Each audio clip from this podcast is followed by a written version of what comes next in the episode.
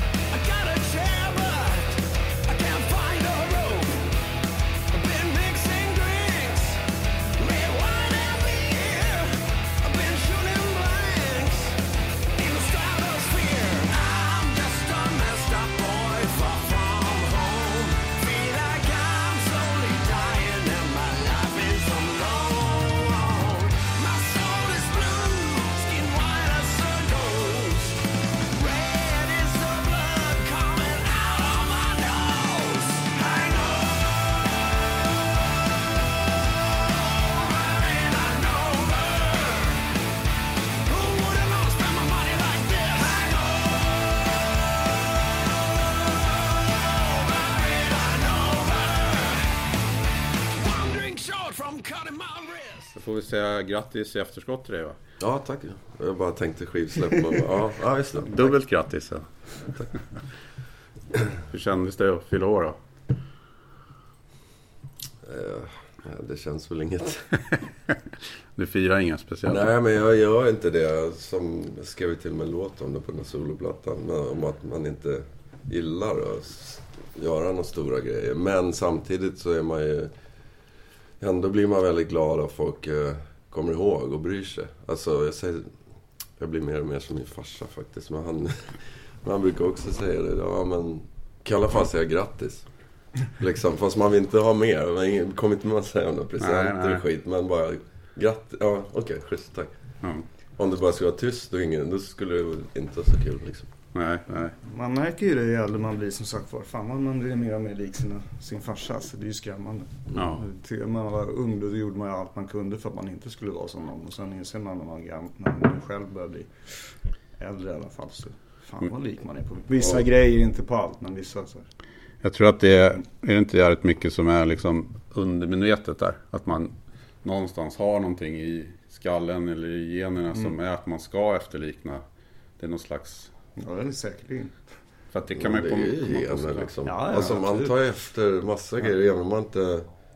bilder liksom. Ja, och utseendemässigt också så kan man se det ändras liksom. Man kan ha några år kanske som man är lite mer lik sin morsa kanske. Sen helt Mm. plötsligt så kan man börja se ut som farsan. Liksom. Alltså man, Ja. och det är ju inte för man umgås, det är ju för att det bara finns där liksom. Ja. Ja, det är spejsat. Men sen plockar man väl upp det är såklart jävligt mycket när man är liten om hur de, hur de föräldrarna resonerar och Ja. beter sig. Sånt där som man sen kommer på att man själv tycker, ja men så är det. Varför tycker jag så? Ja just det, det har jag ju hört när jag var liten igen typ. Sådär. Ja. Sociala arvet eller vad heter det? Första tre åren är ju de som säger de som liksom sätter hela prägen på hur man blir som person. ja. De kommer man ju knappt ens ihåg. Men Nej. det är ändå där det liksom, så här, ja så är det och sen så kommer man typ vara så hela livet. Det är lite scary för man är så här... Man kan inte göra någonting åt det liksom. Nej.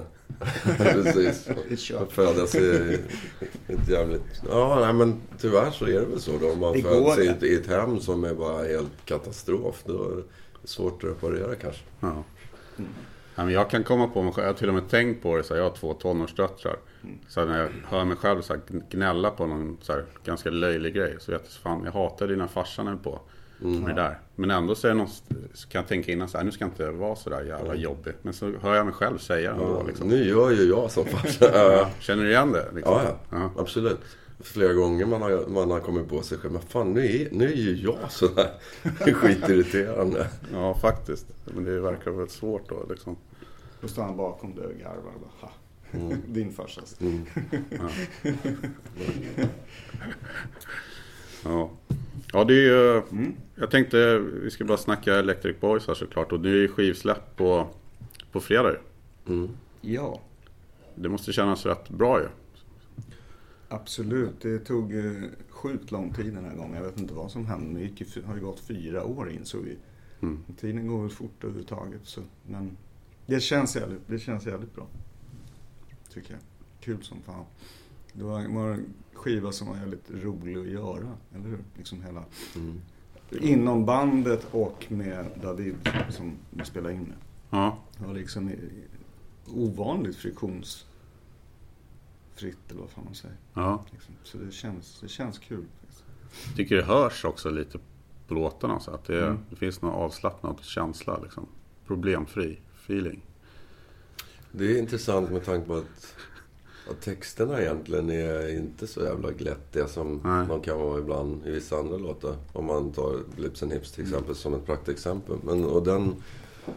Sån rock och fall, fyller också en funktion definitivt. Men, men du är inte den första som säger det. Så Nej. jag tycker det är lite roligt att liksom bara... Åh, Hangover and Hanover är så jävla stänkare och så här, Man bara typ sjunger om att ta liv av sig. Ja, ja. det kommer liksom... Det, Ja, men det har kanske, förhoppningsvis så har det ju något självklart i sig.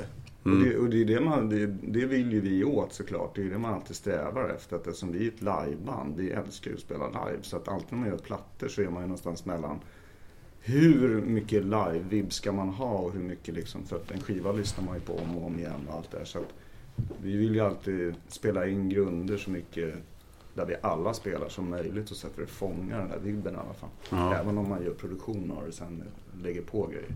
Så att säga. Men, men och det var ju kul med han David Castillo som, som producerar. För han var ju kollade på oss när vi på Cirkus. Och så snackade vi efteråt där och sa ah, ni har så jävla bra sound liksom i er själva. Jag, jag, jag kan liksom höra hur man ska kunna få, få det att funka på skiva. Så det var väl liksom en sån där lite förlösande att, att det blev honom, bortsett från att vi... Eller blev han. Men eh, bortsett från att vi gillade studion också. Ja.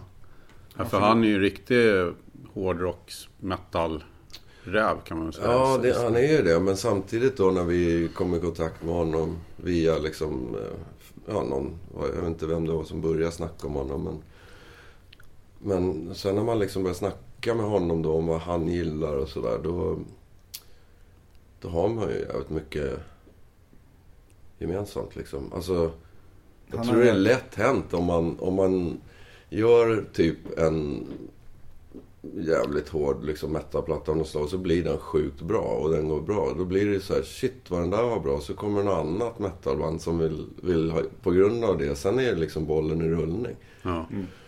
Men han, eh, han är gitarrist också. Så vi satt och snackade någon dag och så bara, vad, vad har du för favoritgitarrist? Ja, David Gilmour.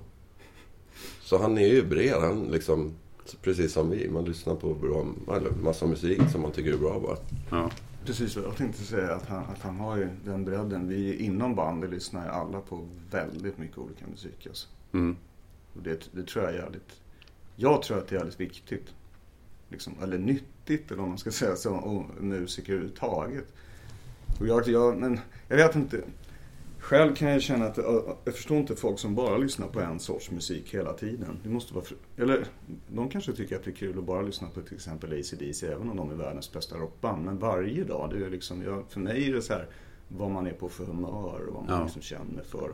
Sen är det ju kul att lyssna in sig på massa olika saker. Ja. sen när man spelar, även om Electric Boys har ett sound och så här, men vi inspireras ju alla från massa olika håll liksom. Som på något sätt förhoppningsvis bidrar, eller man ska säga, eller hur? Liksom, Ja. vi, och den här skivan framförallt så tänkte vi mer än någonsin att vi skulle liksom bara vad, vad är det bästa låtarna vi kan få ur oss liksom? Och sen ibland var det ju vilda diskussioner om är det här för långt ifrån liksom? Vad vi Mm. brukar låta som. Så, men, vi spelar det då. Och när vi väl börjar göra det, då låter det ju oss för att det är vi som gör det.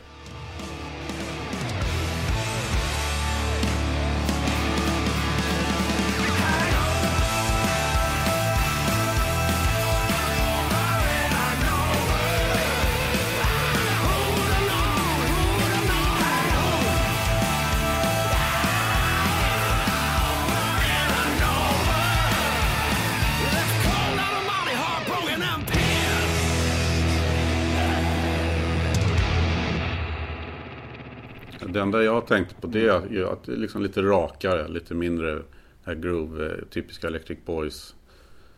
Groovet är inte lika framträdande liksom rakt igenom. Men att det ändå finns där, att man hör ju liksom er Ja, det är ju identitet i det. Det är ju det som, som sagt, eller liksom om man... Eftersom jag har gjort två plattor innan den här som släpps nu då. Alltså sen återföreningen. Och de, då var vi väldigt måna om att nu fan ska, ska vi återförena bandet då ska vi fan låta som Electric Boys. Så då var det extra, var vi extra måna om det. Men nu känns det ju som så här, ja men nu har ju folk fått det i ett par plattor på raken här. Så nu kan vi väl liksom kosta på oss och testa lite annat, känns det som. Vi testade ju så att säga annat redan på första plattan. Mm. Det var bara det att det fanns inget att jämföra med. Utan, men någonstans är det ju samma, samma tillvägagångssätt eller känsla i det ur skapande synpunkter, vad fan ska jag säga. Att, att det är mycket olika influenser. Och, och sen tänkte vi väl det också, vad- hur, hur jävla kul är det att försöka så här vara något som man var för 30 år sedan eller försöka återskapa. Det, det är helt ointressant för det är redan gjort. Och då känns det som att ja, men vad, det är roligare att bara låta musiken och allting få, få liksom visa vad Electric Boys är idag istället. Mm. Förhoppningsvis så kan man ju nå lite nya fans också.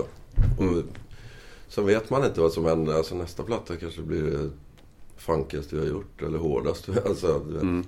Det brukar bara- ju bli lite som motreaktioner också. Men det viktiga är att man själv... Att vi har inspir- att man känner så här, man får någon sorts inspiration. Att, att det känns...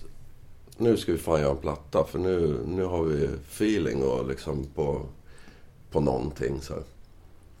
Ja, det är jätteviktigt att vi måste ju tycka själva det. Liksom. Om Mm. inte vi känner, om vi gör någonting bara för att folk förväntar sig, det kommer ju aldrig funka. Liksom. Det skulle ju alla gjort från, från början heller, som du sa, när vi började. Då var ju det liksom, ja det här vill vi, det här är vad vi vill göra nu och då gjorde vi det. Liksom. Mm. Och sen nästa platta, Groovus, den är ju annorlunda redan där. Mm. Och vissa tyckte ju att det kanske var bra eller dåligt. Och den tredje, Freewheeling, är det ju många som tycker det är den enda de gillar och, och andra gillar inte den alls. Och så Mm. där är det Man går ju liksom efter vad man för, för just när man gör skivan. Vad är det bästa vi kan få ur oss nu? Liksom? Vad är det vi vill göra? Och vad är det man själv känner är mest intressant liksom, ja, för man måste vara ärlig liksom. Mm. Det är ju skitviktigt i, i, i allt som man skapar. Liksom. Annars kan man ju...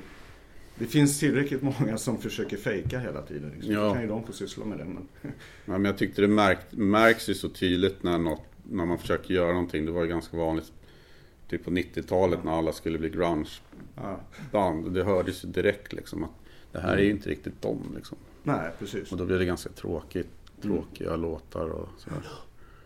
Faktiskt. Och där måste man ju, tycker jag också att det är tydligt att ni har ett jävligt starkt låtmaterial här.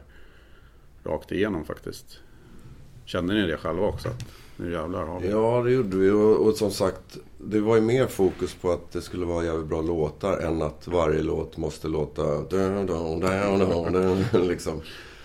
Så det finns ju det också på, på några ställen. Och faktum är att det finns ju ett eller två riff på den här plattan som är de tyngsta riffen som jag fan spelar in någon gång. Fast, fast de har vi inte gjort, byggt en låt runt dem. Men när de väl kommer så fläskar det ju på. Och, och vad heter det? Ja. Nej men som sagt, mer för, kul att du tycker det. För det är ju, tanken var ju att göra... Det är, han- det är ju det det handlar om i huvudsak. Alltså någonstans. Mm. Sen har man ju, har ju vuxit upp med, med liksom plattor som är gjorda på slutet av 60, början av 70 och mitten av 70-talet. Liksom. Och då är det ju ofta nästan alla banden var om man lyssnar på hela skivorna liksom, är, det oftast låtar som är sjukt olika inom varje. Liksom. Ja, ja. Men, men då jag menar Deep Purple är mest kända för någon av sina hits liksom, till exempel. Eller vilket band man nu pratar om, eller Led Zeppelin eller någonting. Men sen har ju de andra låtar som är helt annorlunda på samma plattor. Så jag tror de vågade mer att ta inspiration. För ja, men nu kör vi en låt som, ja, ett höjda exempel i Queen liksom. Man ser den där filmen och kollar på häromdagen liksom. Och då tar de ut de kändaste låtarna. Men om man gillar Queen och lyssnar på det. Då är det ju allt från så här vaudeville till liksom ballader till hårdrock och disco, vad fan som helst. In på samma skiva liksom. Så då är ju helt plötsligt den här plattan kanske inte så jävla wild and crazy som, som vi känner ibland när man fan i det här drar det för långt liksom. Ja, Men, så då... Och det, det, det gillar man ju eftersom vi är uppvuxna med det måste jag faktiskt säga. Jag tycker att många band idag är, är liksom, inte för att snacka skit om dem, men jag tycker att jag tror många är rädda för att våga Mm. ta in lite andra låtar. Om, liksom. Är det en bra låt? Ja, men då kör vi den liksom. Ja. Så där, mer så. Jag tror det är därför det är Alltså folk som verkligen är intresserade av musik och köper skivor och lyssnar på skivor rakt igenom. Jag tror det är därför lite som de har svårt med radio.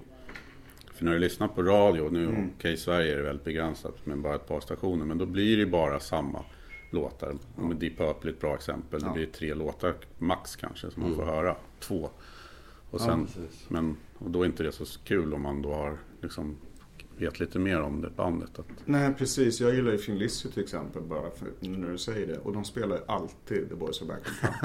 Och liksom, det kändes som att men just då, då var inte det nödvändigtvis deras största hit. Men det har blivit Ja. den som de är mest kända för. Och då är det den som spelas. ja, Och det finns ju massa andra band som liksom, det blir en låt som väljs ut typ liksom. Ja. Och sen så, men allt det andra, de hade ju massa andra hits då när, ja, förr liksom. Nej, det är bara så, det är liksom, känns som att det finns ungefär 40 låtar som snurrar runt på de här radiostationerna. Liksom. ja. ja. Det är tråkigt faktiskt. Ja, jag kommer ihåg när vi var i USA och turnerade. När vi, det här är ju, det är ju länge sedan då, men då var det ju flera sådana här rockradiostationer. De körde ju liksom andra låtar. Kom att vi reagerade ju på det. Fan, nu kör de ju den här låten med Led Zeppelin. Liksom. De har ju fan aldrig på radio liksom. Nej. Nu vet inte jag om de har blivit mycket mer streamlinade där, men, men då i alla fall vågade de liksom spela Mm. någon udda låt med något band. Liksom. Mm. Nu sitter vi på skiv, skivbolagskontor här och- spelar in den här, det här poddavsnittet. Hur, eh, ni var ju med när det begav sig tidigt när, liksom, när skivbolagen var jättestora. Det fanns hur mycket pengar som helst hos de stora multinationella bolagen. Och så här. Hur stor skillnad är det liksom?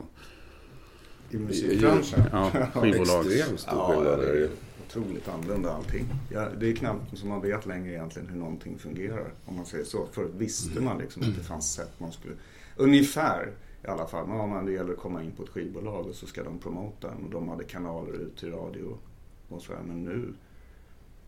Jag vet inte riktigt vad som händer. Man försöker bara se till att göra så mycket som möjligt och spela och ut och gigga och, och liksom få ut grejer. Ja, Ja, det var ju kul att det fanns pengar för att Ja. man har ju mycket idéer man vill genomföra. Och, och tyvärr så kostar ju saker och ting pengar liksom. Mm. Man, så allt blir limiterat eh, på, på det sättet. Men det finns, det är ju inte bara skit. För att det är ju faktiskt, på ett sätt så är det lite som att rocken har... Eller att allt har kommit tillbaka lite som det var från början. Mm. Med allting. Ja, liksom att, att alla måste vara mer kreativa med små medel och försöka komma på bra idéer och, till videos eller vad som helst liksom. ja, Och, och det, för det är ingen som kommer gå in och betala pengar för att bygga upp en hel jävla låtsasvärld runt den- bandet för just en video om man säger. Nej, nej. Som det gjordes då. Utan, Nej. vad heter det? Ja, det blir mer fokus på grundidén liksom på något vis. Och kanske då att ännu mer fokus på låten och kanske ännu mer fokus på att kunna framföra det också liksom. Mm. Att kunna göra det live och så. Ja, det, det tror jag. Förhoppningsvis så gallrar det väl lite bland sämsta skiten. ja, Alltså folk Ja, ja. som bara, åh, vi blir kändis. Och man bara, gäsp.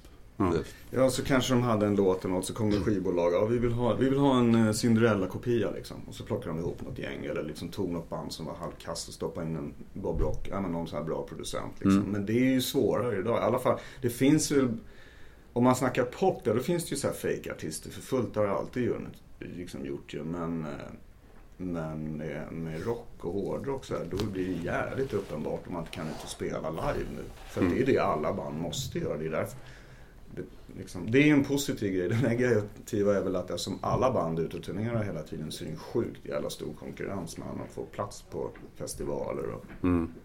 Jo, ja, det kan man ju det. säga när det gäller fans. Att jag förstår att de vill att vi ska komma och spela till en massa länder och på festivaler och grejer. Och om vi fick bestämma så skulle vi åka precis hela tiden på turné. Men det är jävligt svårt idag. Mm. Vi kan tyvärr inte åka överallt om inte vi måste ju få det att gå ihop i alla fall så vi inte går back liksom. Ja. Och förr fanns det ju liksom, på tal om stora skivbolag, de la ju in så här tour support och grejer så man Ja. kunde åka på stora turnéer.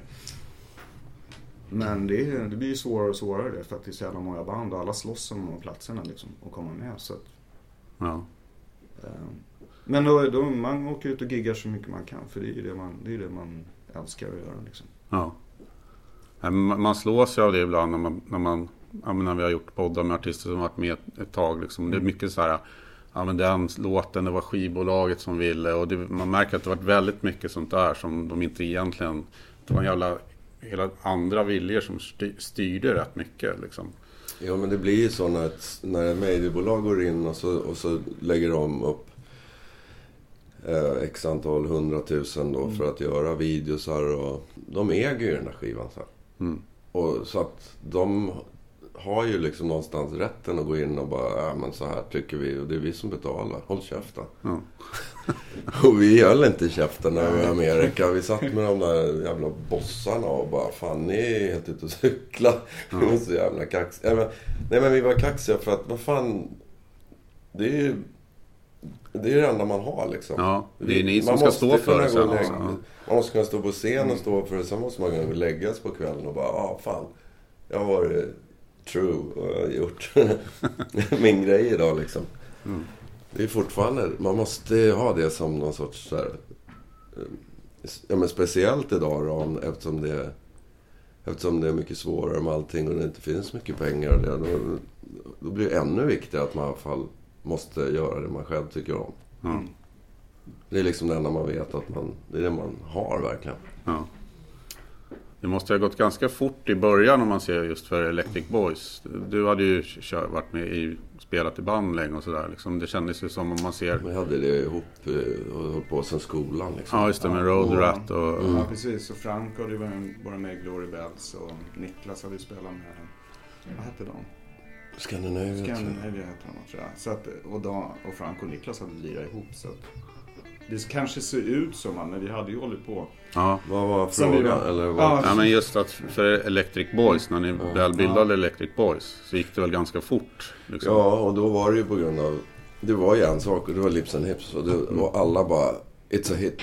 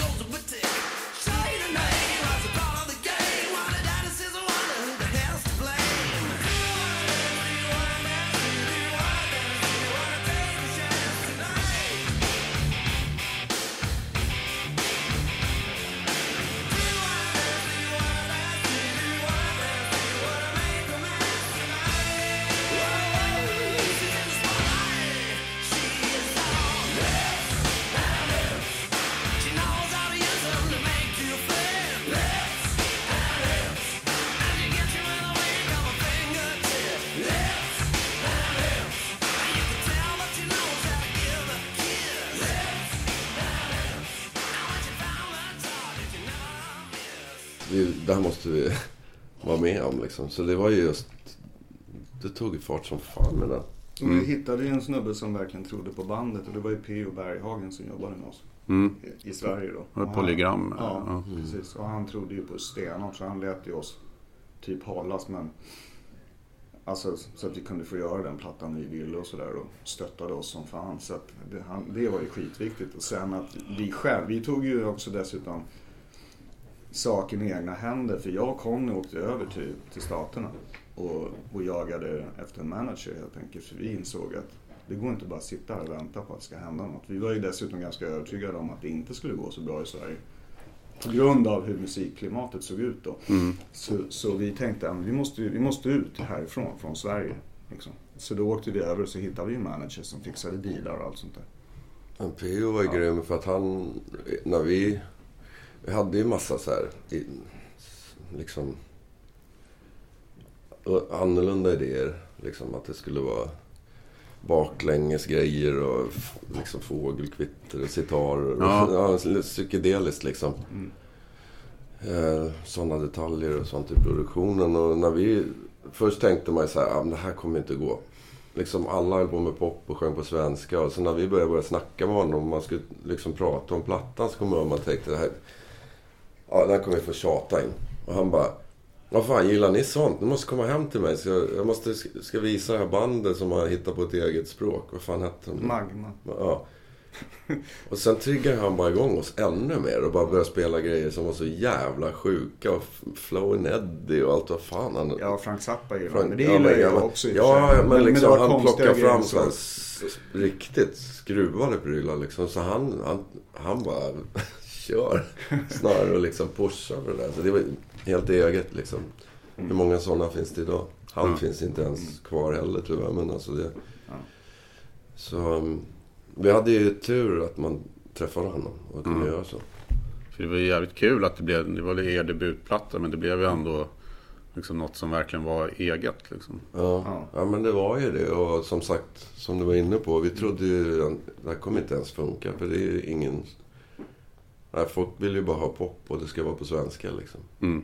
Men så hade vi ju turen, visade sig sen. Vi fick ju bara fyra och femmor överallt. Och det var precis som att... Vi måste ha kommit precis när folk bara började tycka, fan vad tråkigt. Alla sjunger på svenska och pop. Så...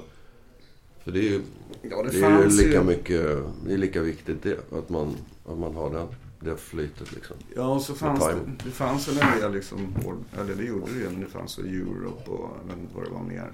Så här, mer en annan typ av hårdrock helt enkelt som inte vi lirar. Och det var väl det vi kände också. Det finns ingen som gör, Nej. som gör det här som vi gillar liksom. Nej. Så att, Ja, eh, hade det funnits då hade inte vi funnits känns det som. Alltså vi har ju... Det varit alltså, svårare för oss kanske att komma fram. Eller hur man nu ska se det som. Jag vet Jo, inte. men man, om man ville ju inte... Det är ju fortfarande så. Det måste kännas som om man någonstans kan tillföra någonting till all musik som finns. Alltså, det Det får inte låta för liksom för likt eller för så här självklart kanske. Nu låter det ju kaxigt att sitta och säga men det är väl det vi försöker hela tiden Nej, men för en När själv de att kommer man- med någon låtidé så är, man, är vi jävligt så här kritiska. Men vad fan, går det inte att göra det här? Kan man inte hi- hitta på något bättre melodi eller göra någonting som gör att det bara att det skiljer, att det är något som man kan hänga upp det på, något annorlunda liksom. Mm. Så, annars Samtidigt så kan man hamna lite utanför. Jag kan känna med många beslut och just där man... När folk frågar ja, men var, det något som... Om du fick ändra något och vad gick det fel och varför blev ni inte så här megastora som alla trodde? Och det, och det kan man ju sitta och sia om och... Eller vad, vad säger jag? Ja, men liksom sitta och diskutera till evigheter. Det är ganska, ganska tråkigt att prata om men... Men vad heter det? Ja, vad fan skulle jag säga nu? Jo, men att man, att man, har, att man följer sig sin egen... Man går sin egen väg hela tiden och tycker att ja, men det, här, det här känns bra. Och vi hade den här funkiga grejen till exempel. Och så blev det så här, ja men... Helt plötsligt börjar man läsa funk metal överallt i tidningarna. Så här, jaha, jaha, finns det fler? Och så man, men då blir det... Då, istället för att man bara kör på eller någonting så blir man ju så här rebellisk då. Att, ja, men, nu, nu är det ju inte så här som det var från början. Att man gör någonting som känns lite så här fräscht förhoppningsvis. Utan då, ja, då måste vi göra något annat. För att, för att nu är det inte lika nytt. Eller vad man ska säga. Och så var det när vi gjorde Free eller även... Grooves var det Ja, och sen tänker jag på som speciellt ett bra exempel när jag gjorde min soloplatta Psychonaut. För då kändes det så här, den här plattan finns inte på Megastore, kommer jag ihåg jag tänkte. För det var, var ju största skivaffären då. Just det. Men den fäste ju inte heller. Alla bara, "Men det här låter inte som Electric Boys. Men, Nej, det är klart inte. Jag, och därför... Därför inte en elektrisk. Ja, exakt. Och sen, men, och sen så... Ja, men idag. Och långt senare bara, fan den där plattan var ju skitbra. Ja, men... Den var lika bra då, men... Eller för mig liksom. Men, men man kan liksom gå... Man kan liksom kanske sätta kroppen på sig själv för att man blir lite så på tvären och vill ändra saker. Och alla hänger inte alltid med i, i de svängarna kanske. Så kan det absolut gå. Sen, men sen vill man inte bli en kopia en dålig kopia på sig själv liksom. Nej. Det, det är inte heller, det vet man ju band som ibland har haft, fått någon sån där mega jättehit liksom. Och så säger skivbolagen, vi vill ha en till sån. Ja, Mm. eller ja, vi, kan, vi var i den sitsen i och för sig. Vi hade ju Lips and Hips och folk. Men man kan ju liksom inte sätta sig och göra, för då blir ju det alltid bara en sämre version av den, Ja.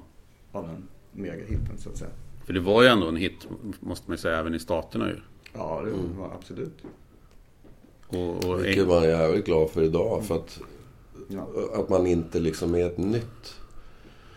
Det måste vara jävligt svårt liksom att starta från, helt från scratch idag. Mm. Vi har ändå ju någonting som man ändå har att bygga på. Ja, visst. Så det är man ju väldigt tacksam för. Och jag tänkte på det när ni gjorde jubileumsspelningarna eh, för Groovus. Det är väl något år sedan, två år sedan. Ja. Ja, liksom, ni åker till England och gör en, ett gäng spelningar. Liksom. Ja. Det, jag menar, det säger ju en hel del om hur, hur, hur många som ändå tog det till sig liksom, i England också. Ja, Ja, ja. England, Sverige och Amerika var ju de territorierna, territorierna som... Territorien? Territorierna. Just det. Nej, men som var bra liksom för oss. Och, och grejen var ju...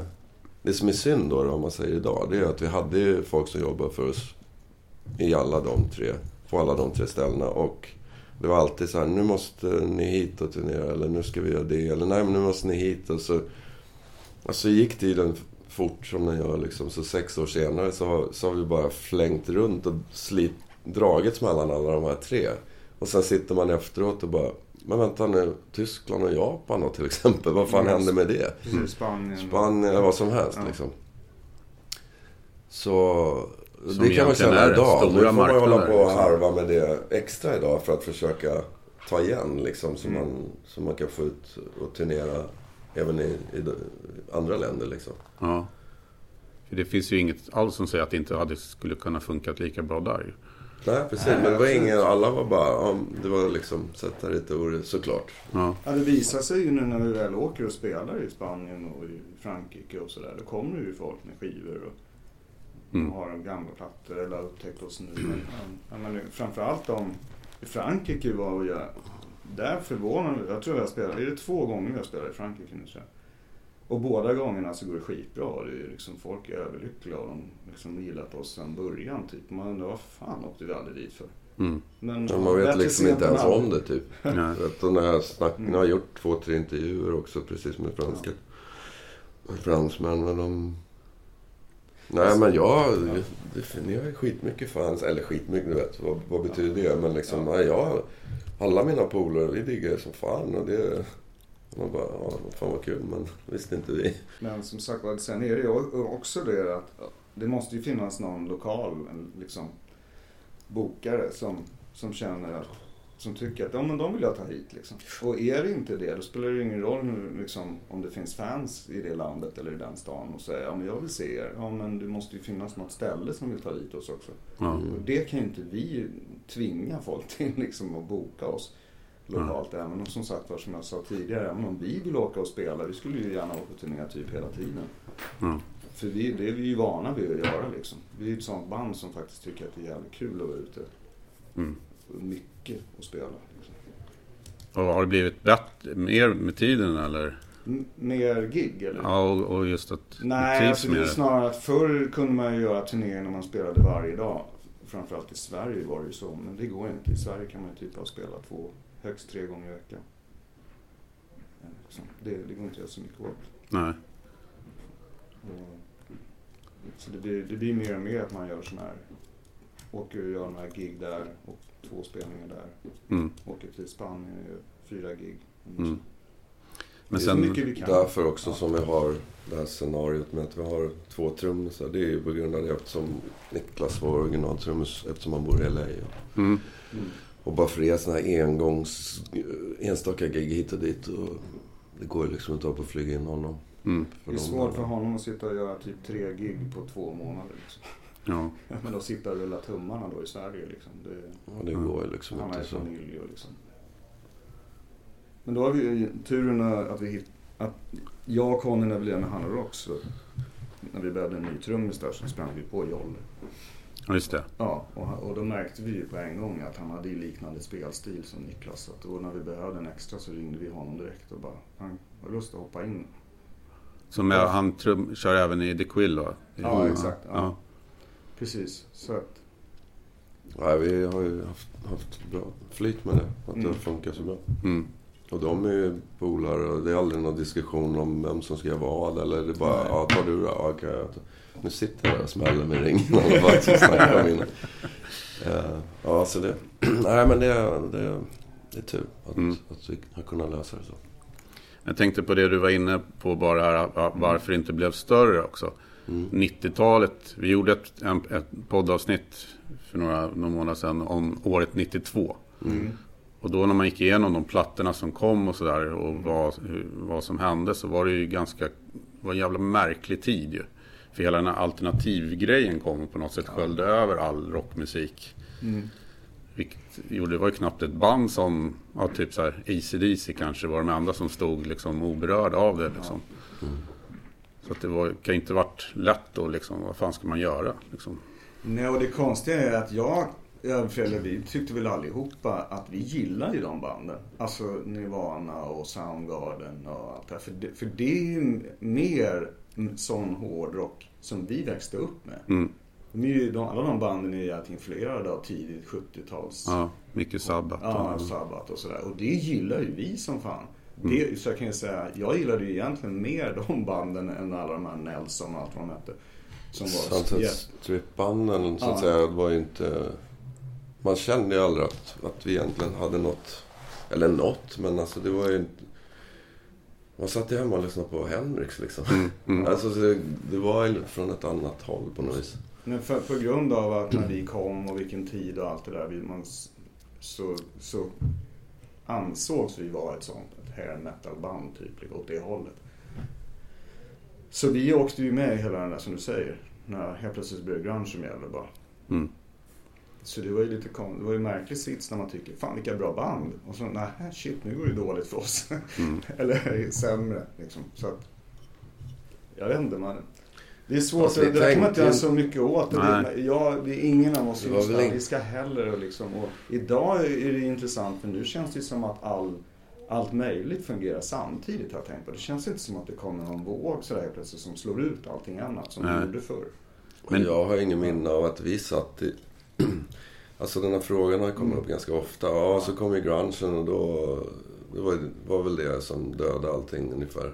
Men man var...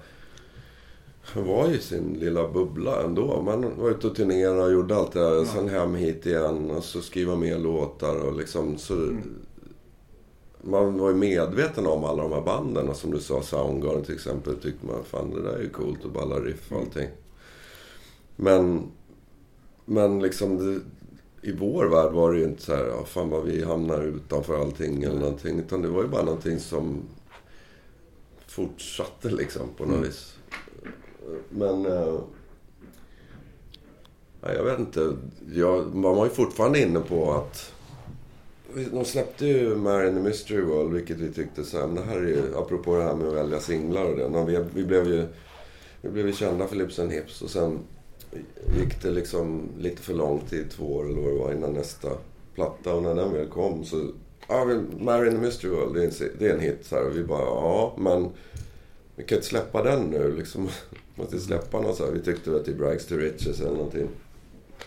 Som med, med, med facit i hand är en av de som folk står och sjunger mest på giggen. Alltså det, man bara, ja fan den här fick ju fäste precis som vi tänkte redan då. Men då, då tyckte vi, nu blir det ju konstigt här. Men sen så kändes det ändå, den spelas mycket på radio. Så tänkte vi, och låg också på Billboard tror jag faktiskt. Men, men sen kände man, ju, ja men sen kommer Dine to be loved. Då blir det ju Bon Jovi av allting. Det är då skivbolaget bara, ja ah, nu har vi lagt tillräckligt med pengar på er så nu, nu får ni gå. Man bara, Ja, Det va? var jättemärkligt för vi satt i möten med liksom regis- alltså videoregissör och allting. Vi hade en hel plan klar och allting. Vi var ju Ja. i Los Angeles och liksom, vi hade precis avslutat vår USA-turné där på Grooves. Och, och sitter där så helt det är ju precis som du säger, helt plötsligt när vi liksom, okej vi ska väl börja sp- spela in video nu då. Nej, ni får inga pengar. Var inte det här... Det var för att de- inte det här klassiska? De hade bytt A&R-snubbe. Ja, skivbolaget köptes upp, vi låg ju på Atco. Och de köptes upp av East West tror jag hette. Mm. Och då byttes alla ut. Så helt plötsligt satt vi där och då hade de ett Med band som de, som de inte ville jobba med. Så här klassisk grej som hur många band som helst har råkat ut för. Så vi sitter där helt plötsligt och bara, jaha shit det är ingen som jobbar med oss längre. De vill inte lägga pengar på det här. Nej, då är det bara att åka hem. Helt, helt sjukt liksom. Och, det- och det, som sagt var, det vet inte om man, då kände inte vi då att det var på grund av att liksom, ja, alla de ville bara jobba med grungeband. För att, utan det kändes ju mer som att det var på grund av att den där grejen hände. Ja, att det var en personlig grej att det kom in en... Vi hade någon som jobbade med bandet som, som liksom gillade det, hade känslan. Och så kom in en annan som bara... Men det här är, det här är inte så bra. Eller du vet, då, då är det ju kört redan där. Det måste ju finnas någon som... Ja, som, som gillar det helt enkelt. Ja, det där säger väl enormt mycket om den tiden, hur det funkade. Ja, exakt. Det var det. Jag tror att... Undrar om inte Europe var med om något liknande. Ja, det var något band som vi kommer ihåg. Fan, det här hände ju precis dem också. Ja. Liksom. Men... Eh, men så funkar det. Det är inget man kan göra något åt. För det, för det fanns ju en jävla potential i den låten ändå. Även om man- ja. ja, ja, det hade vi ju absolut. Jag lyssnade på den häromdagen. Det är ju jävligt bra produktion också på den tycker jag. Ja, kanske det. Slog mig. Mm. För det var Bob Rock. Eh, Nej, det, Nej, det var första Bob Rock, så ja. Den vi gjorde själva i Abbey Road. just det, ja. ja. men just för att det kom ju mycket sådana, den typen av ballader. Men jag tyckte det höjer den lite. Att den, den lät ändå inte så smetig riktigt. Som Nej. den hade lätt kunnat göra i fel händer. Liksom. Fast vi gjorde ju en rolig grej och det, det var ju att vi hade, vi hade varit på Un, vad heter det, Universal Studios på deras sån där. Ja, Just det, det är en klassiker ju. Ja, och så, så hade vi varit inne och larvat oss liksom. För man kunde göra sån här, man gick in i ett, liten, ett rum och så fanns det fake instrument och så satt det bara en videokamera på väggen och filmade och så gjorde de så här cheesy videoeffekter. Mm. Och då gjorde vi det till, vad fan var det? Var det Milli Vanilli? Ja, det eller så? var- Jag tror vi var packade förstås. Och bara larva oss. Och sen en dag när det här hade hänt någon vecka senare då att skivbolaget bara säger nej ni får inga pengar till en video. Då blev vi ju så jävla sura så vi bara, då åkte vi ju dit. Och så, så gick vi in där, det är jävligt kul. Får man, Vi- vi kan man få göra video på, på sin egen låt? Ja, och tjej, kan man få. kommer ihåg tjejen som jobbade där? Hon blev ju helt... För hon hade varusett när vi, vi hade ju någon månad tidigare spelat på Universal Amphitheater. Mm. Med Mr Big och vad det nu var. Så hon bara, vad fan gör ni här nu liksom? Ja, vi ska göra en video, kan vi göra det på våran låt? Hon bara, ja visst, varsågod liksom. Så vi gick in i det där rummet, en tagning, kostade, vad var det? 18 dollar eller så vad fan det nu var, 40 cent. Med massa så här psykedeliska effekter typ. Så här skitdåligt som gjordes ju samtidigt. Så skickade vi upp den till skivbolaget så här. Varsågod, här har ni videon liksom. Och då i USA... Nej, men vi skickade den ju... Vi skickade väl inte upp den till skivbolaget? Ja, jag kommer ihåg att vi skickade den direkt Nej, till så Headbangers Ball i England till ja. exempel. Och bara, ja, skivbolag vill inte ge oss några pengar så här är våra sista dagspengar. Så Här får ni vår video om, liksom. Men, men ja, de, de spelar den ju Det är mycket. roligt att de gjorde ju det. Alltså jag ju har... på någon sån här bästa videolista. över- Jag kommer det året. det, ligger, det låg förut någon som hade lagt upp på YouTube. Jo. När man ser Headbangers Ball-loggan i hörnet. Ja. Alltså. Och det blev någon sån här, var det inte röstat till en, så här, en av de bästa videorna det året Ja. eller någonting. Och det är liksom, det är jävligt kul men det måste ju vara en, en av de billigaste videos som någonsin har gjorts. Seems like the harder loving comes, the harder we fall. God, I'm dying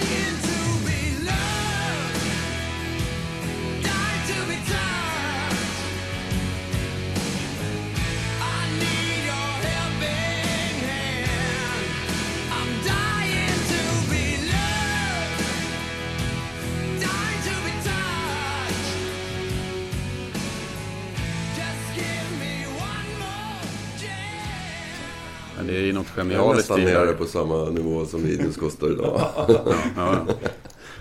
Ja, vad skulle du säga? Det är något skönt. Ja men det finns ju något genialiskt i det där. Det där hade ju säkert kunnat varit en jättedyr produktion. Någon konstnärlig videoregissör som tyckte så här ska vi göra. Liksom. Det ska se Ja, ut ja, så här. ja. Vi gör något som ser så riktigt billigt ut. Ja, är med lite psykedeliska liksom, effekter. Eh, ja, men nu har Som vi eh, Dolly Parton sa var det väl, du vet inte hur dyrt det är att se så billig ut. Ja, exakt. Ja, nu har vi ju, det är ju lite, vi går igenom eh, katalogen här nu ju. Då är vi framme vid, sen kommer ju Freewheeling då två år efter Groves Maximus. Ja. Hur ser ni på den plattan idag? Då har man ju lite pissed off liksom. Så att, och, och vilket var, det blev ju en bra platta ur allt det där liksom tycker jag.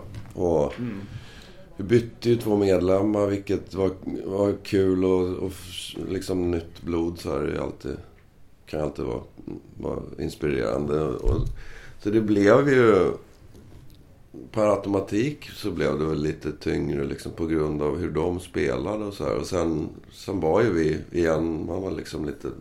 Vi ville inte göra något funkigt utan vi ville göra någon, en hård... Ja, en hårdrockplatta liksom.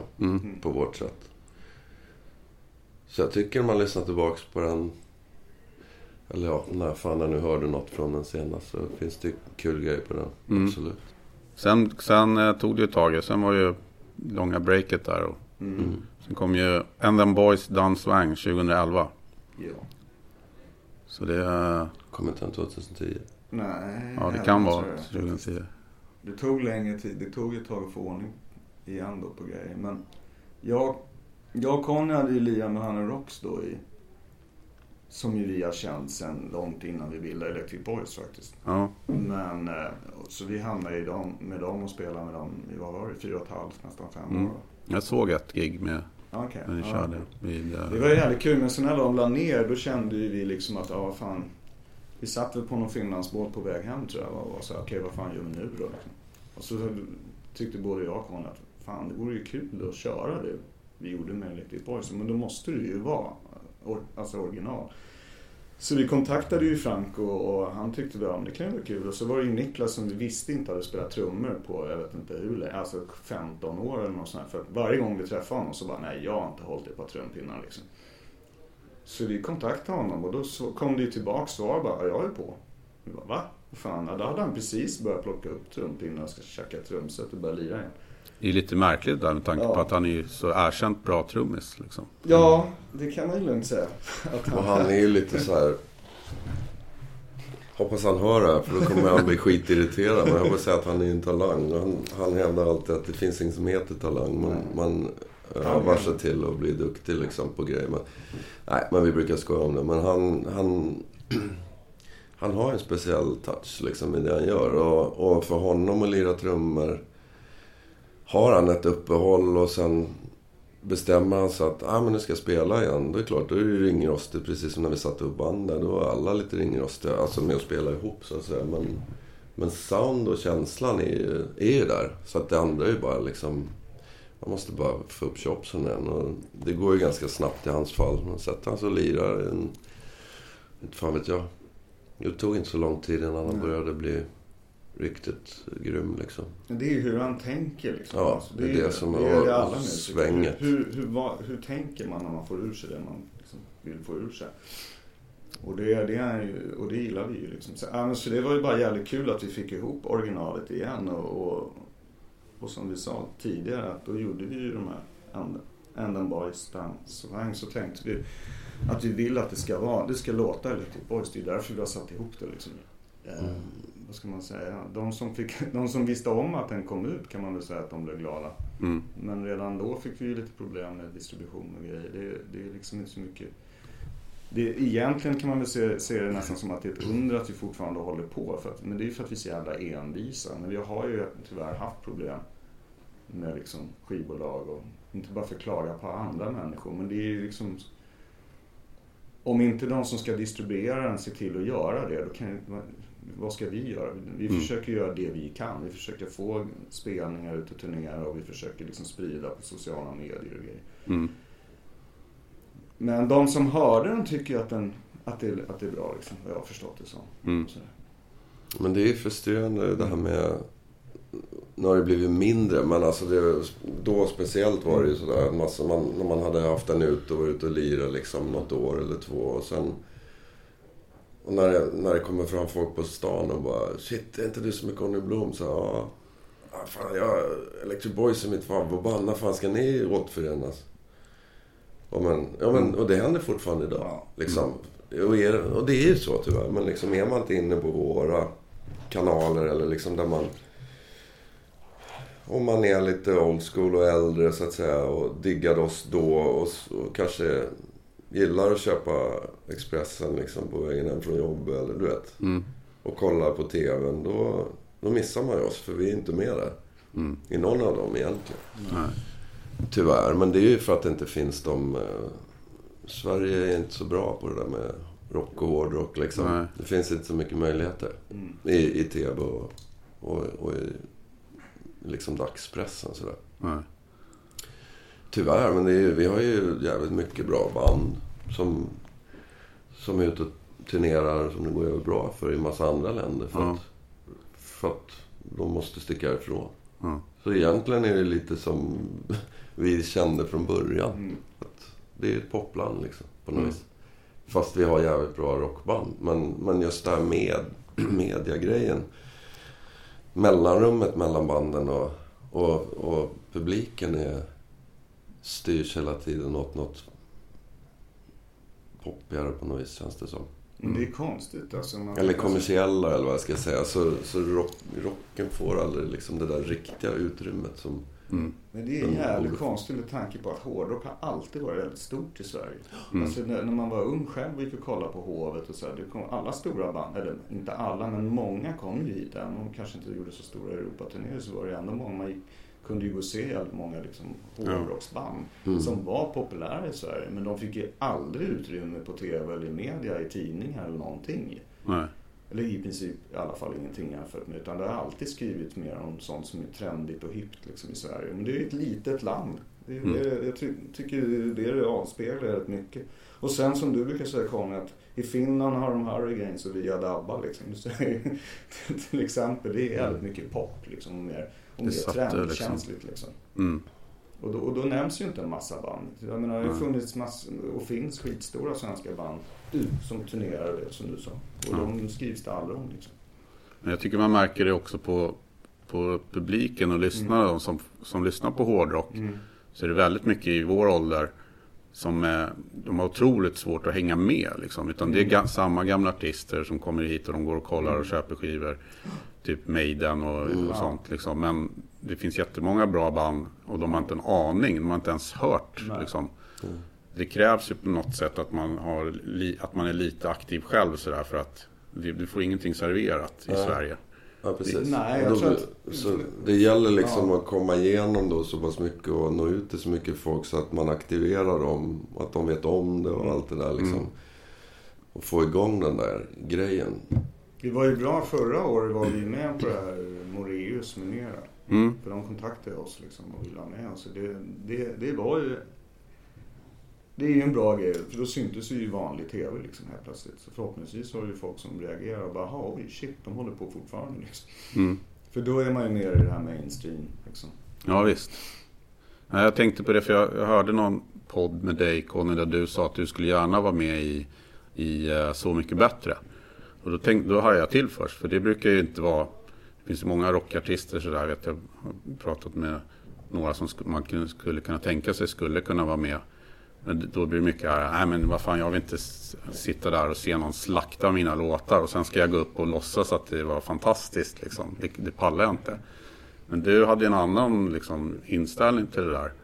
Som jag kan förstå. Vad sa jag då? Nej men att du, var, du tyckte att det var ett bra program och att du skulle gärna vara med. Ja men det handlar ju liksom om musik som någon Mm. har skrivit och det handlar om om någon, alltså att någon ska tolka den och då är det lite, kan det vara lite kul så här, hur fan tänker han eller hon då? Hur skulle han ha gjort den här låten? Alltså det, det finns ju något intressant i det. Tycker jag. Och det är inget, det är liksom inte förnedrings-tv även om det kan, det kanske kan bli det på något sätt. Men det är, meningen känns ju inte mer som att det ska vara det. Utan det är ju mer ja, underhållning liksom. Det handlar om bra låtar, det är det liksom. Ja. Så känner jag. En bra låt är en bra... Alltså, det här beror ju också på hur, hur, hur man ser på musik, om man går tillbaka till det då. Att vissa verkar ju liksom dissa en del typ av musik bara för att det är producerat eller att det framställs på ett visst sätt. Men det kan ju förbannat vara en skitbra låt. Mm. Och sen om typ Marilyn Manson går och gör en cover på den då om man nu gillar rock eller någon sån här hårdrock. Ja fan vad bra Depeche Mode är helt plötsligt. Mm. Men det är ju samma låt. Så Mm. det beror ju på hur man ser på musik tror jag. Så därför tycker jag det där, jag håller med Conny där. Jag tycker att det är intressant. Eller jag har inte tittat på sista, måste jag erkänna. Men jag tycker idén är intressant. Att se Mm. hur kan man ta en låt och göra den på så många olika sätt. Liksom. Mm. En bra låt är en bra låt. Liksom. Så självklart är det ju beroende mycket på vilka artister som är med och hur Ja, mycket ja. tid de lägger ner och sådär på att försöka Ja. göra något av det. Ibland känns det kanske som en del bara ser det som ett sätt att öka sin skivförsäljning och så går man dit och gör det minsta man behöver. Liksom. Men jag tror Ja. att Ja, om man, om man ser på ett annat sätt, vilket många har gjort. Klerup till exempel var ju med Mm. i en upplaga och sådär. Och, och då kan det ju bli någonting ri- riktigt bra av det. Ja, absolut. Jag Faktiskt. tror inte det är så lätt liksom. Alltså det är, det är, det är en lång period som de som är med... Det ska ju kommas upp med idéer liksom, så att säga. Det är Mm. inte bara att åka upp på TV och synas, utan det, Ja. det är en process liksom. Det man har märkt är väl att i det programmet att det verkar inte som att de prioriterar liksom rockartister, lite hårdare grejer. Liksom. Det har väl, vad jag vet, knappt varit någon med. Det var någon som sa något om något popland förut. Jag kommer inte ihåg vad det var. exakt. Ja, men det är en klassiker. Ja, det är Det är, så. det är, Ja. Men jag tror som du säger, det är, hårdrock är ju så pass stort så det skulle ju vara jävligt upp, eller jag tror det skulle funka skitbra att det skulle vara populärt om, det, om de vågade. Mm. Absolut, det där är ju liksom, det här är ju klassiskt liksom att de, de anser sig tro och veta vad folk vill ha. Men det funkar ju inte alltid. Liksom, Mm. Om det, man, tittar på media och sådär. Någon sitter och skriver om någonting som är skithett hett och hippt, typ runt Nytorget. liksom. Och så är det ingen annan i Sverige som bryr sig ett skit. Ja, men då säljer ju inte det. Då, då funkar det inte. Om folk i alla fall vill stå och headbanga till Saxon eller någonting eller vad fan det är. Ja, men liksom, då spelar det ingen roll hur hypat det där andra är. Så att det funkar ju till en viss gräns liksom. Men det måste ju finnas någon som gillar liksom det. Så. Och där, där, är ju en annan liksom. Så Ja. jag vet inte. Vad, vad har det här att- med ja. Ja, vi får Med se oss så om... är det ju mer att, ja fan som sagt var, vi, vi kör på. Vi, vi tycker att det är kul. Mm. Ja, vad fan ska man annars göra? Det finns liksom inget val. Jag, jag, spelar man inte så mår man inte bra. Ja. Det är, så det är enkelt. Det är bara, ja fast... Ja, så fort man vet att det finns något inplanerat och shit, ja, nu ska vi göra det eller in i studiorna eller då och då är det det gigget. Då, så länge man har då, då, då går det framåt liksom. Mm. Men som du, var, det- var, När det stannar av och inte händer ett skit då, då sitter jag bara hemma och får ångest. Det är inget bra. Men inte igår du sa det där att när man har, det bästa som, bästa som finns ja, men är ju när man har liksom gjort ett jävligt bra gig. Går ut i turnébussen, sätter sig och tar en bärs och sen är man på väg till nästa gig. Det, den känslan är ju helt grym. När man vet att ah, shit, jag får fan göra det här imorgon och imorgon och imorgon igen. Liksom. Att, att man, man kommer aldrig tröttna på det för det finns alltid något man kan känna att man kan göra bättre. Eller, och har man gjort ett skitbra gig då vill man få den kicken igen. Liksom. Mm.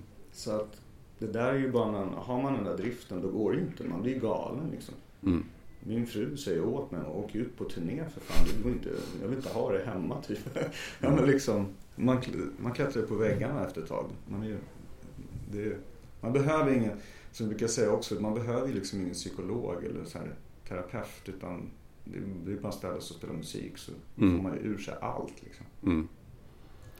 Jag tror att det där är ganska gemensamt om man, om man ser på de banden, svenska banden som är hyfsat stora som turnerar, typ som Hellacopters och sådana. Att jag tror de har samma drivkraft.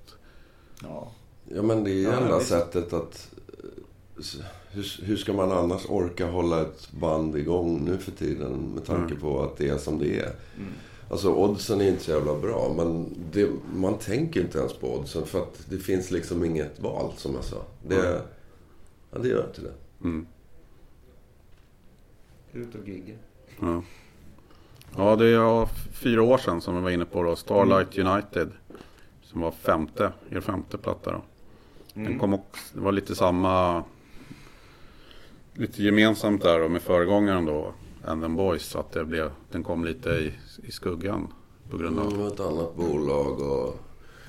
Jävligt kul att spela in för vi åkte från stan och, och var liksom bandet och bodde i studion som, ja, som vi gjorde på när vi var i Abbey Road faktiskt. Och det är bra. Vi hade bra... Ja, det blev bra tycker jag. Eh, Det var kul att spela in och vi hade bra liksom, samarbete med producenten. Men sen... Ja, tyvärr. Vad ska man säga? Sen liksom... Fick, fick den inte möjligheten att nå ut och distribution och promotion och Mm. allt som man skulle önska då.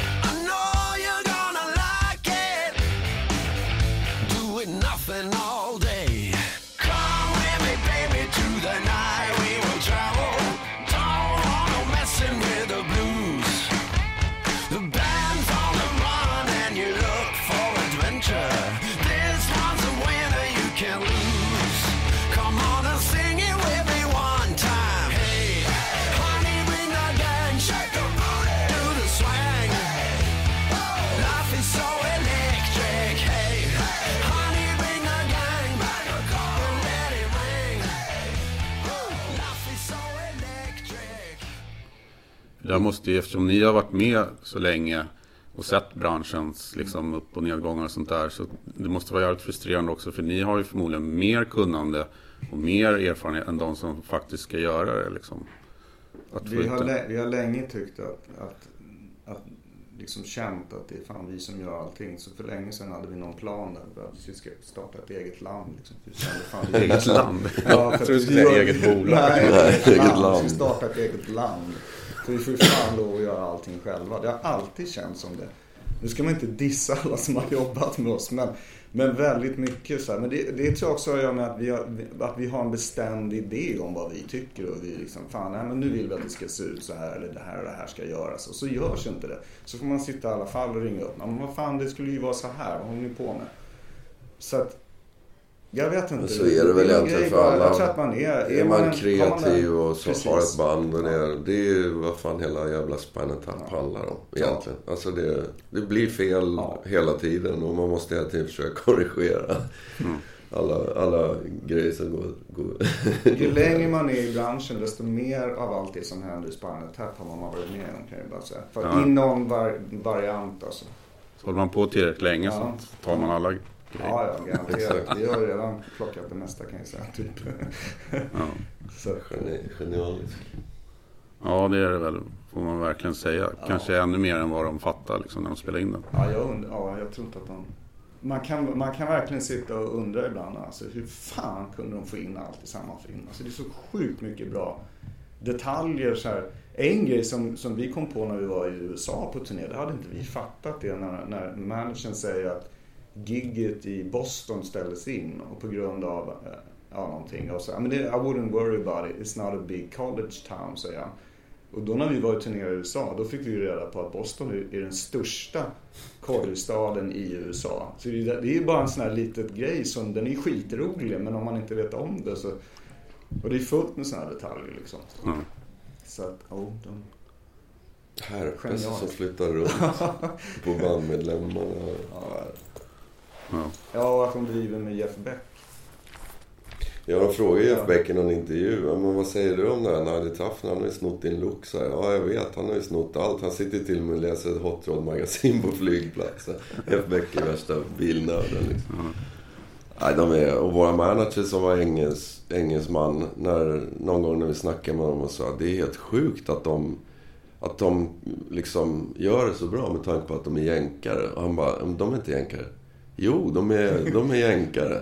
Nej, det, nej men alltså man, man, är inte, man vet inte något om Swindon och man vet inte det här. Alltså Nej, de namnen och Nigel Tufnell, alltså namnen. Han, han köpte det inte. Sen bara, jo, fan han, basisten var med i gänget jag var va. Med Fonzie. Ja, han Ja, var med i alla mejl. men till exempel. Ja, Så bara, De är amerikanska skådisar hela tiden. Det är helt... han bara, shit, är det sant liksom? Vilka jävla skådisar. Och, och vilken res- research de måste ha gjort. För det. Sen blir det ännu roligare när man fick höra någon som jobbar på vårt skivbolag berätta att när han hade haft premiär för den i London så hade, var det något band, var det Iron Maiden? Något band Som reste sig upp i mitten. det blir ännu roligare. Det var för nära liksom. Ja, och det är väl Ozzy Osbourne och någon annan har ju sagt att ja, ja, jag ser inte vad som är så roligt allt det här har hänt. Typ. Ja, det är ju, Så det det är ju- det är ju faktiskt så. Det är så jävla Det, nära. det är mer än en som har haft Stonehenge liksom. Aerosmith hade ju på Rockin' a Hard Place på omslaget och var det inte Black Sabbath som hade det på scen? Och... Och hur många gånger har man inte gått vilse innan man ska in till eller upp på scenen i alla gånger. Alltså det, allt är ju Men med. framförallt när man spelar på såna här teatrar typ i England. När vi gjorde turné där. Och så här, typ Hammersmith och sådana ställen. Det är ju liksom upp, ner för trappor, bak, där, sen så här, så ner i källaren, under scenen och upp på andra sidan. Det är så här pilar. Och så, kom, och så kommer städaren. typ. Hallå Cleveland. Ja, ja. Ja.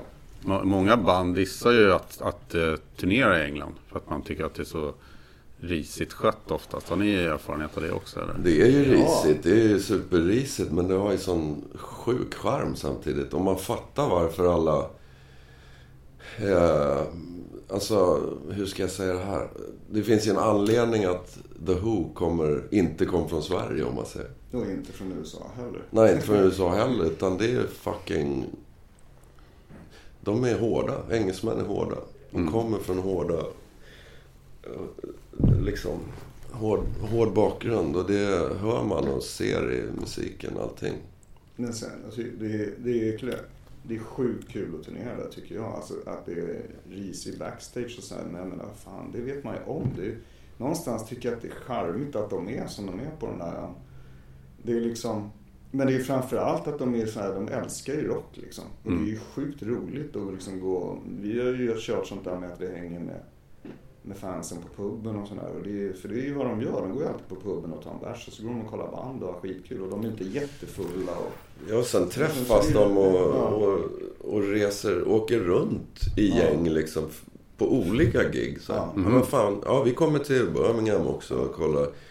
Lite Den som där typ fotbollssupporters Ah, måste Ja, jag säga. exakt. Så de har ju... De, och, och sen att de... Ja, men just att de är ju liksom uppväxta med alla de här banden man gillar. Och liksom, det var ju någon... Vad var det någonstans? Vi satt och pratade. Vi bara gick in på någon fik någon mitt på dagen och vad det var. Så var det någon äldre herre där som vi började snacka med. Ja, ni ser ut som det måste vara någon band. Typ så började vi prata. Och så... Ja, vad gillar ni då? Så här. Så var det väl någon som sa Nazareth bland alla band där. Och, Ja, den där McCaffrey, det är jag. Vi brukar ju... Du vet så här. Och då... Man bara, va? Men, men det är liksom... Ja, men det är klart det är så. Alla de här banden bodde i det här. Så liksom, det är inget konstigt. Ja. Så de har ju vuxit upp med hela den där kulturen. Med alla de här grymma jävla rockbanden. De har haft det liksom, gått på, suttit på samma jävla pubbar som The Who och Hendrix och alla. Så de har ju, det, de har ju allt det där modersmjölken. Så, och man märker det på dem som publik. De uppskattar och gillar Ja, ja. rock som fan. Och efterspelningar, de, de vill komma och liksom... Bara hänga och få autografer och fota. Och de tycker det är så jävla kul. Det finns ingen så här, "Ah, jag tror inte det är något bara för att spela musik. De, de är liksom med i det så att säga. Det är skithäftigt. Jag älskar England. Ja, vi tycker ju själva, eh, vi är ju så här pubgubbar, verkligen vid det här laget. Jag har alltid gillat att liksom gå in på en pub och ta en, rik- en ale, inte en IPA tack. Alltså, Nej, vi gillar inte IPA i det här bandet. Och till våran stora sorg så när vi den senaste turnén vi gjorde i England, eller UK måste man ju säga för det är ju Wales och Skottland också. Men det var ju att när man går in på pubarna, förut så var det liksom tio olika ale. Och så kanske en IPA och en Guinness och en lager. Nu är det liksom flera lager och massa IPA och kanske en ale.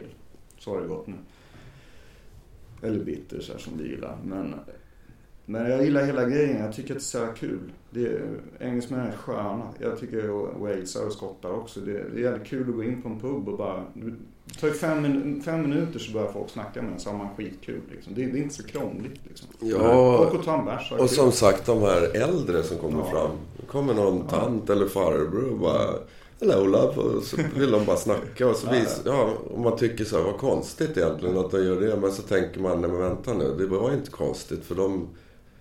Hon var ju fan med på The Who på Marquee. 69. Ja, nej men du vet, så här, typ. Så det, ja, det är Nej, coolt. Det låter ju som att det hänger mycket på en själv och hur man bemöter dem. Ja, Att jag tror jag kan tänka mig att de som har liksom svårare, de kanske inte är så pass sociala som ni är. Liksom. Ja, eller om man hänger upp sig på att, att det liksom är mögligt och risigt och så här. Ja. För det är det ju liksom. Det beror ju på var man är, vilka ställen man spelar på. Med vissa backstage vill, vill man ju inte sätta sig i soffan liksom. För att man ser att den börjar prata med en typ. Eh, Men som gamla men det- Marquee var ju skitsunkigt också. Som är så här klassiskt Ja, ställe var liksom, där alla spelar på. Mm. Det tror man ju inte. Nej. Och Astoria, vi, de ha- hade ju knappt någon backstage på stora Astoria. Vi fick en sån här träning. Jag kommer ihåg att jag skulle byta om. Jag gick ut och ställde mig i någon jävla korridor och bytte brallor. Typ ja. så här. Helt... Ja men det är liksom u-land. Det är Typ. så det funkar. De Men det- liksom, double glazing har de precis upptäckt. Liksom, med så dubbla glas i fönstren. Liksom. De bara wow, man kan ha det. Som fortfarande rör den på utsidan. Liksom. Mm. Senaste turnén vi gjorde där, då frös vi fan hela tiden. Vad var det? Ett år, var det ett år sedan? Det- Och det var inte att det var så kallt ute, men de har liksom ingen värme på någonstans. De får ju gå omkring med liksom ytterjackor på inne. Det kallar inne liksom. Ja, för att, och så har de sådana här fönster som man drar upp så här. Det är som, Mm. som man ser i gamla filmer. Så. De kunde lika gärna ta bort det, det blåser ju rakt in. Liksom. Men jag tycker det är charmigt, vi gillar det i alla fall, jag tycker det är skitkul. Ska ni, ska ni tillbaka snart? Ja, i mars. Mars, ja. Ja. Men först nu är det Sk- Skandinavien då? I, Mm. i Ja, december. Oslo i övermorgon. Just det. Och sen eh, flera gig i Sverige och sen så är det UK och Irland ska vi till också förresten, det är ju klart precis. Det blir väl lite Europa-grejer där. De håller på att boka det nu i samband med, med vad heter det, England där. Då Ja, kommer sant. Niklas över också. Mm. Köpenhamn och vad är det mer? Helsingfors. Och Frankrike efter nästa säsong. Ja, Vi det försöker bara köra på, bredda det så att säga. Ja. Man vill ju ut och spela i olika länder. Ja. Vi var ju precis i Spanien och, i, och spelade i Hamburg och i Frankrike. Så. Funkar det bra att få ihop liksom, turnerandet med vardagslivet sådär då? Mm. Ja, Eller blir det ett jävla pusslande? Eller? Man får ju mecka ja, krång. Så det, det- det får man, vi får väl alltid till det tycker jag. Ja. Mm. Det är ja, det största problemet är ju avstånden liksom. Att Niklas som sagt bor i LA så då blir det svårt med honom. Och sen... Det sjuka är att Jolle bor inte heller i stan. Han bor i Mönsterås. Men det är i alla fall fyra timmar liksom. Eller Ja. någonting. Så att han... Det går ju ändå... Det går att styra upp. Mm. Ja, nu har vi surrat i över en timme här. Jaha. Jag tänkte att vi skulle ja, avsluta med att spela er senaste singel Släpp, typ igår va? Ja. Ja, jag släpper. You Spark My Heart. You Spark My Heart, ja just det.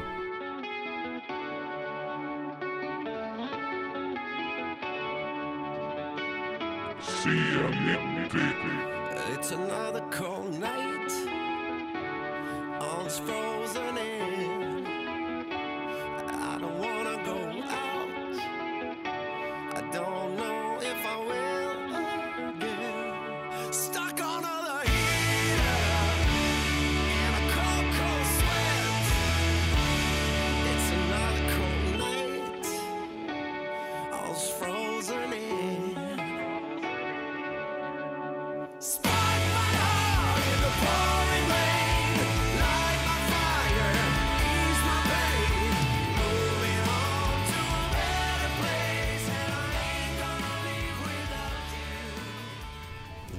Många skulle väl säga att det är lite annorlunda Electric Mm. Boys. Jo, men det är det. Men, men den är en av de här låtarna som... Som var för bra för att se förbi på något vis. När vi gick igenom, vad ska vi... Vad ska vi vilka låtar ska vi spela in typ? Och, och jag hade gjort en demo som... Jag skrev den bara liksom utan, utan att tänka. Nu ska jag skriva någonting till Electric Boys. Så, så jag gjorde en demo med ja, med massa olika andra sound och så vidare som inte lät typiskt Electric Voice. Men som, som And, Anka sa förut att då sa vi, ja men den är ju skitbra så hur blir den om vi spelar den som vi, som vi skulle göra? Så det är där någonstans det har hamnat. Den var för bra för att hoppa förbi helt enkelt. Det var bara, men det här, det här måste vi bara göra. Och, det, ja, och, det, och det, vi tycker ju själva att det blev, att den blev jävligt bra. Liksom. Mm. Men vissa låtar, låtskrivarmässigt, är, är, har, är så självklara på något vis. Mm. Ja, i, min, I min värld så är, är, är den precis lika bra som Lips and Hips om man tänker så här som låt liksom. Bara det att de är, de är två olika typer av låtar. Men, men när man känner att ja fan det här är bra hela vägen. Allt är bra liksom. Och det, så känner man inte alltid. Nu, det låter som att jag sitter och skryter. Jag menar, men det är, man är ju jävligt självkritisk. Och de, de flesta andra låtarna så kan man väl, eller många av dem kan man känna, ja, fast det kanske skulle ha varit mer. Eller vi hade, man kanske skulle kunna gjort så eller... Och så finns det bara vissa fall när det bara, ja så här är det och det finns inget mer att göra. Och så, Då, och då, det är skönt när man, när man känner så. vi tänker ju, man tänker ju al, albumformat fortfarande i sitt huvud. Så att det finns ju som, låtar som man tycker är skitbra men som, aldrig skulle, som man aldrig skulle välja som en singel och släppa. För att man vet att det, ja, men det här den är skitbra på en platta. Liksom. Eller, eller att man lirar en live också, men det är inte en av de där. Vissa låtar har någon sån här slags självklarhet som du sa precis.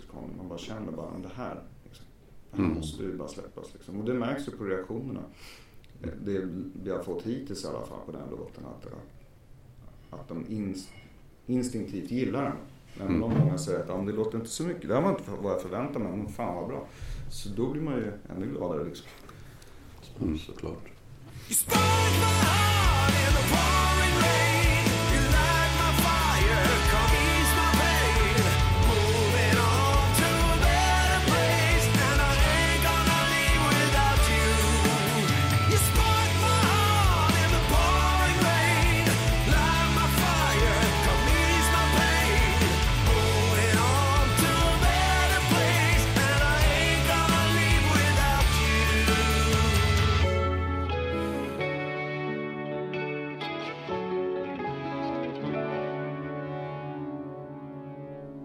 nej, men då säger jag lycka till med skivsläppet och det kommande turnerandet. Och eh, jättestort tack att ni ville vara med i C90. Ja, Mm, ja, vi som ska tacka. Ja, är tack. Kanon.